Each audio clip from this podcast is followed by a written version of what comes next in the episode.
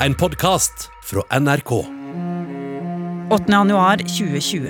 Meghan Markle og hennes mann prins Harry, den sjette i arverekken til den britiske tronen, overrasket alle. Tonight, there's stunning news about Prince Harry and his wife Meghan. They're essentially quitting the royal family. Can they really do that? De ga beskjed om at de ikke lenger skal være seniormedlemmer i det britiske kongehuset. I praksis var de ikke lenger kongelige. The decision that I have made for my wife and I to step back is not one I made lightly. It was so many months of talks after so many years of challenges. And I know I haven't always gotten it right, but as far as this goes, there really was no other option. Bruddet ble sett på som bemerkelsesverdig. Bare noen ytterst få har gjort som dem tidligere i det mektige britiske kongehuset. Hvorfor forlot de egentlig sine rojale titler, sikkerhet og penger? Hva var det som gjorde at de ikke hadde noe valg? Nå har de fortalt sin historie, og det de har sagt, har skapt sjokkbølger over store deler av verden.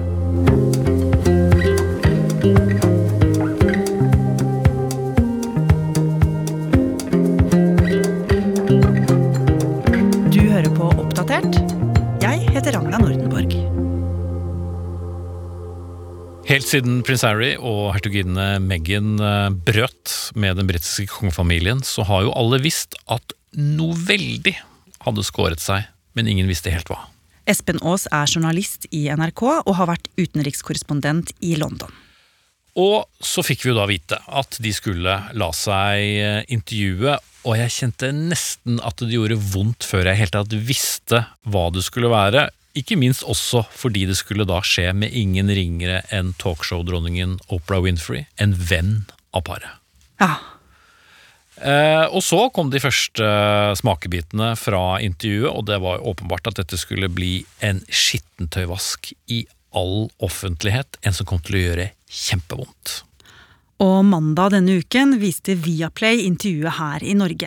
Og Oppdatert og Espen Aas rigga seg til i hver sine sofaer for å se. You really are having a baby. Having a baby. That's more than a bump.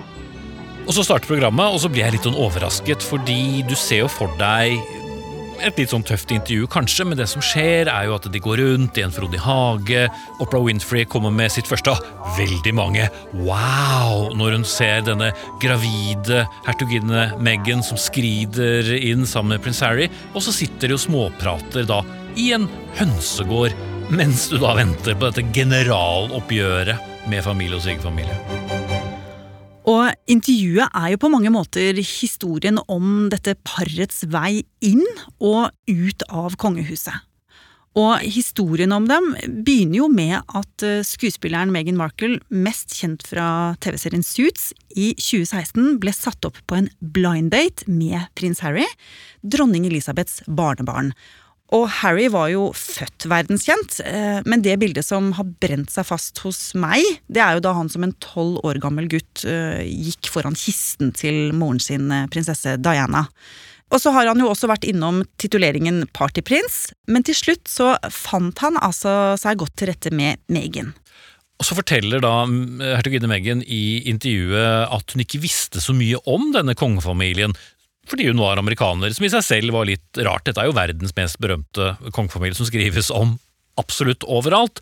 Og mente nok også at denne offisielle, litt stive fasaden som eh, vi da ser, kanskje bare var sånn det var på utsiden, men så fant hun ut at det var jo sånn på innsiden også. Meghan forteller at hun skal bli med prins Harry på en lunsj eh, på et landsted som heter The Royal Lodge. På vei dit så får da hennes kjære prins Harry beskjed om at uh, hans bestemor, dronning Elisabeth, også kommer dit. Og da tenker man kanskje å ja, så bestemoren din kommer, men det er altså den britiske dronningen som kommer. Og hun får da et slags krasjkurs og opplæring i hvordan hun skal neie, og så øver de på den eh, neiingen som skal gjøres riktig, ikke for dypt, ikke for grunt og knærne samlet og alt disse, disse tingene, og så møter hun da dronningen, en person som er en av de få som hun faktisk snakker ganske varmt om gjennom dette intervjuet. Og hvor gjennomgående, upersonlig og formelt er det mellom medlemmene i kongefamilien?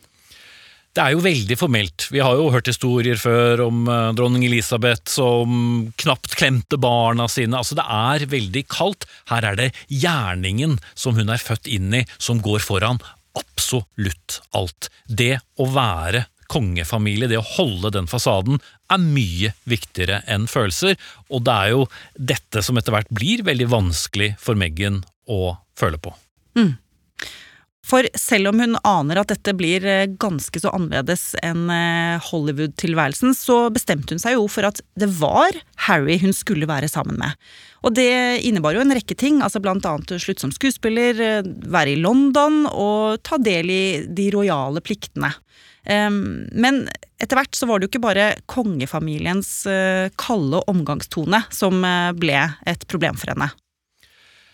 Det å skulle gifte seg med en prins i den britiske kongefamilien betyr jo en enorm oppmerksomhet, og den britiske pressen er jo beryktet for hvordan de behandler eh, de kongelige. De oppsøker jo familiemedlemmer, de står utenfor huset til faren, de er utenfor huset til moren, de er absolutt overalt.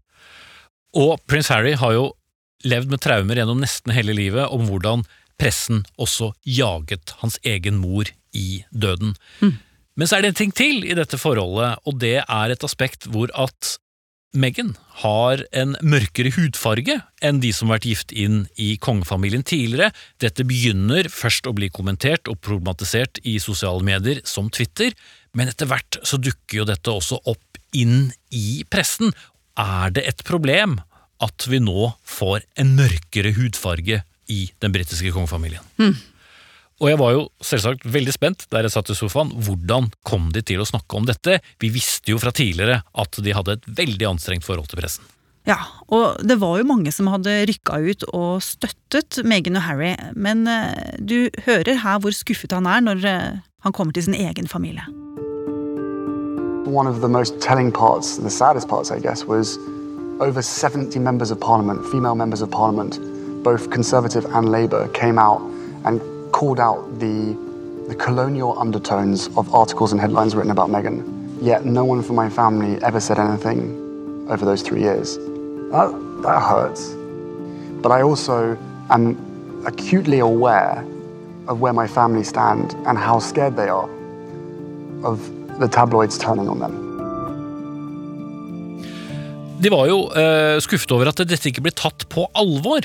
At ikke kongefamilien ellers og hele hoffet ikke var med på å, å, ta avstand fra dette og hjelpe dem. De følte seg veldig alene over den rasismen som de mente begynte å florere både i sosiale og tradisjonelle medier.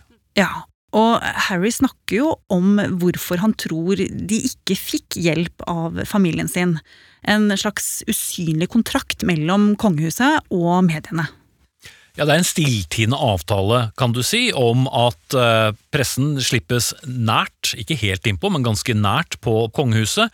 Og så til gjengjeld så dekker de begivenheter, de får god uh, omtale og gjør de til de ambassadørene som de skal være. Og prins Harry tror jo, og mener da, at dette er jo grunnen til at kongehuset sitter helt stille og ikke ønsker å ta den kampen, og at de to må ta den kampen alene. Og eh, om det var det usynlige systemet, hudfargen hennes eller andre ting, så følte jo Megan at hun ikke akkurat var noen medieyngling, og at hun ikke fikk den støtten hun kanskje hadde trodd hun skulle få.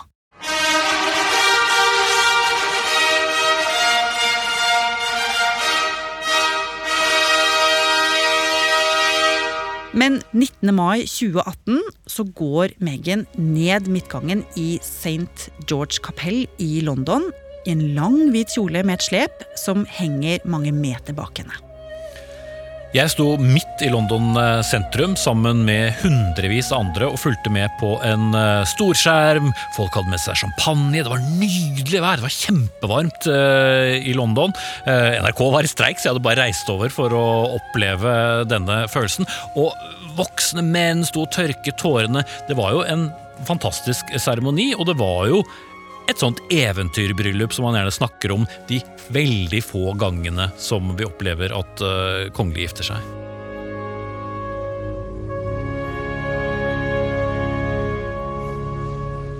Og det var jo et eh, litt utradisjonelt eh, bryllup i en ellers så tradisjonsrik familie.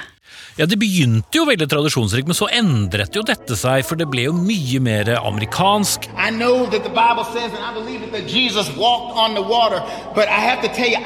Water, you. Eh, Vi hadde da den kanskje mest legendariske, denne baptistpresten.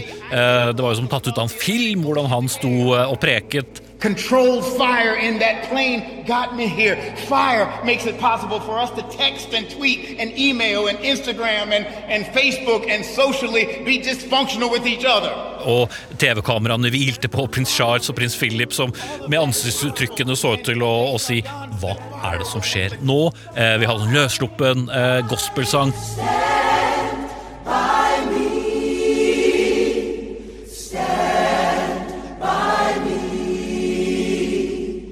Følte jo egentlig at eh, Meghan hadde fått laget sitt bryllup vel så mye som et tradisjonelt britisk bryllup. I therefore proclaim that they are husband and wife.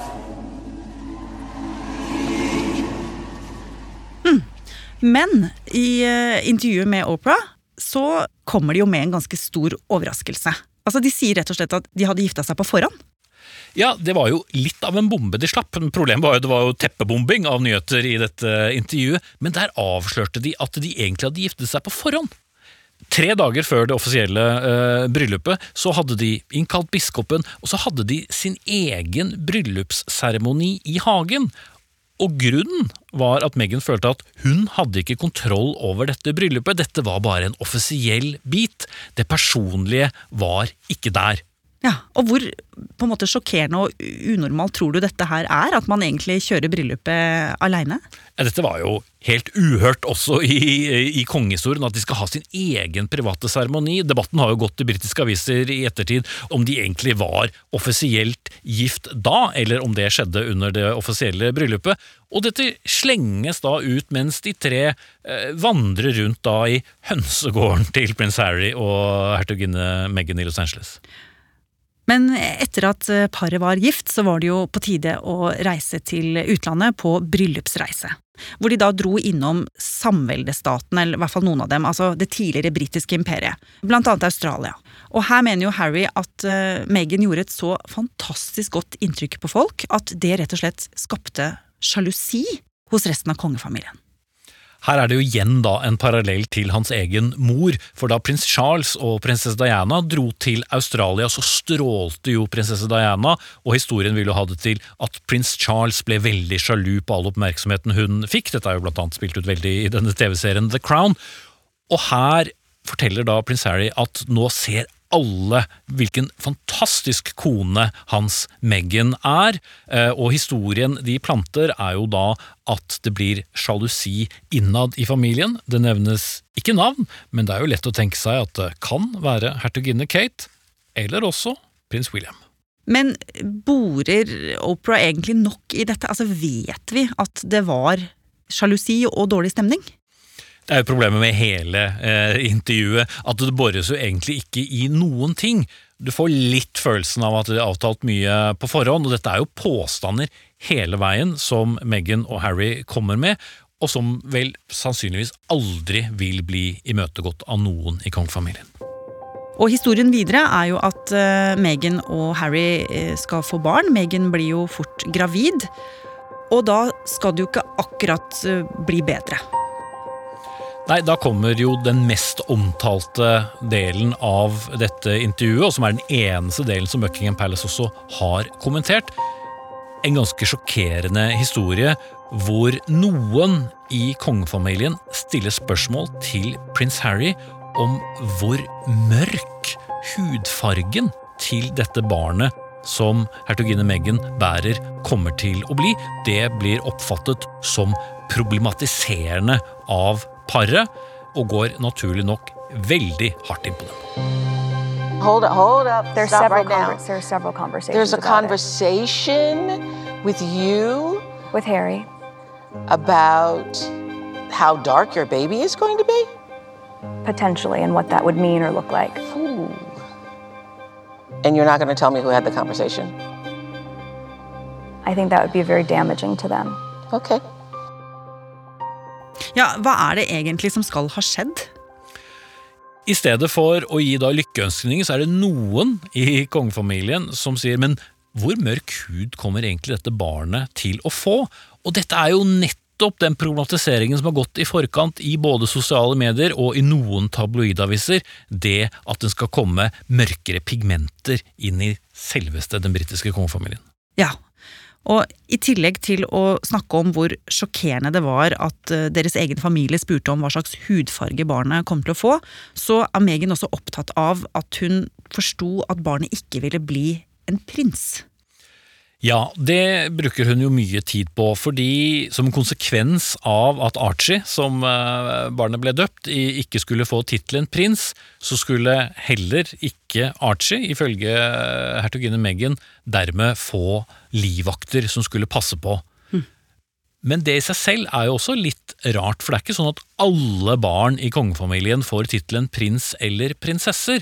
I utgangspunktet så er det slik at det er den førstefødtes barn som får disse titlene, og det er jo prins William og hans barn. Derfor har vi eksempel da prins George, som er hans eh, eldste sønn. Det er ikke noen automatikk at det skal nedarves også hos de andre barna. Eksempel prinsess Anne, altså søsteren til prins Charles. Hennes barn har ikke disse titlene. Nei, Så hva opplever du er problemet? Altså, Er hun ikke informert om dette her, eller er det noe annet?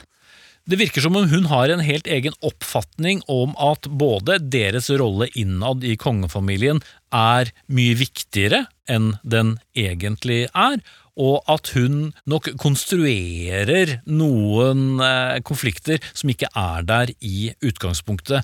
Hvorvidt noen skal få livvakter eller ikke, er en ren trusselvurdering gjort av sikkerhetsmyndighetene, ikke av kongefamilien. Og Megan fortalte jo Opera at hun utover i graviditeten følte seg mer og mer ulykkelig for alle disse konfliktene, men også at hun ble mer og mer isolert. Hun slutta jo rett og slett å gå ut. Og hun forteller jo at hun var på et veldig mørkt sted i livet, og at hun rett og slett begynte å slite med selvmordstanker. Og en dag så forsto hun jo at dette måtte hun jo dele med ektemannen sin. I knew that if I didn't say it, that I would do it. And I, I just didn't want to be alive anymore. And that was a very clear and real and frightening, constant thought. Og det hun forteller videre, er jo at uh, samme dag som hun fortalte om dette til Harry, så skulle de to på et arrangement i Royal Albert Hall. Og hun sier at bildene fra denne dagen viser at uh, han holder Megan kjempehardt i hånda. Så hardt at knoklene hans blir hvite. Og etter dette så tilspisser jo Megan og Harrys kamp mot kongehuset seg. Hun forteller at eh, hun desperat prøvde å finne hjelp, men at hun ble bedt om å ikke ta kontakt med noen fordi de ikke ville ta seg ut for kongehuset om det var ja, rett og slett psykisk eh, syke mennesker der inne.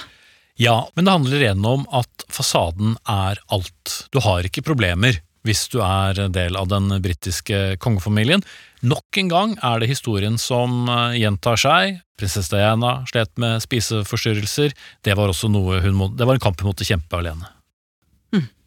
Og mot slutten av året 2019 begynte det å komme noen ganske tydelige hint om at paret ikke kom til å være like tett på kongehuset lenger. Harry og Meghan skulle flytte fra Storbritannia til Canada, der de delvis skulle jobbe for dronningen. Og Harry forteller til Opera at forholdet til faren kjølna veldig i denne perioden. Ja, for dette blir veldig vanskelig for kongehuset når noen flytter ut av landet. Skal de da beholde titler? Hva har de rett på av finanser? Eh, og Det er jo dette som også blir eh, problematisk for prins Charles. Og Harry forteller da at prins Charles, hans egen far, slutter å ta telefonen, som jo er mildt sagt spesielt, ja. men bakgrunnen skal da ha vært at dette var så vanskelig at prins Charles ba ham heller sette opp et dokument om hvordan det skal være. Etter intervjuet har det fremkommet opplysninger om at uh, prins Charles sørget for ganske mye finanser til paret, i tillegg til at prins Harry jo arvet også en ganske stor formue etter sin mor, prinsesse Diana, som han hovedsakelig nå bruker til beskyttelse for seg og familien, siden da ingen andre betaler for det. Og i januar i fjor så kom den virkelig store sjokknyheten. The bond which was once so close has, in every formal royal sense, been shattered. Paret sa de skulle trekke seg tilbake og ikke være kongelige lenger.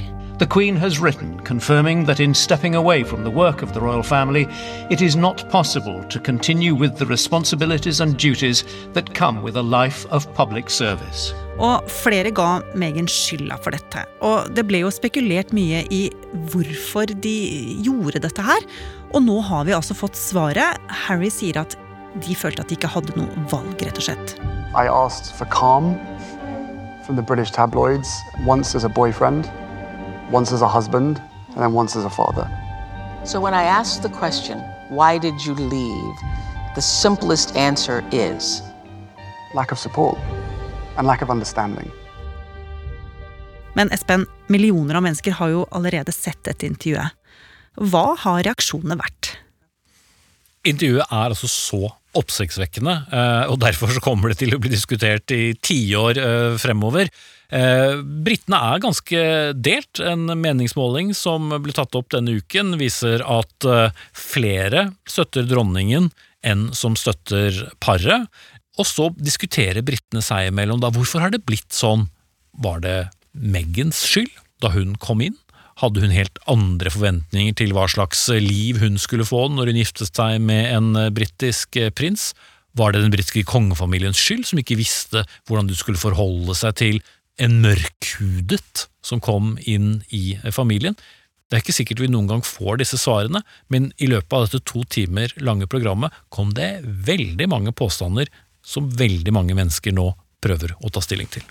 Ja, og i dag, torsdag, når vi spiller inn denne episoden av Oppdatert, så leser vi at prins William, altså storebroren til Harry, har gått ut og benektet at det britiske kongehuset og den britiske kongefamilien er rasister. Og at prins William har planer om å snakke med broren sin Harry. Og så får vi se om familien blir gjenforent.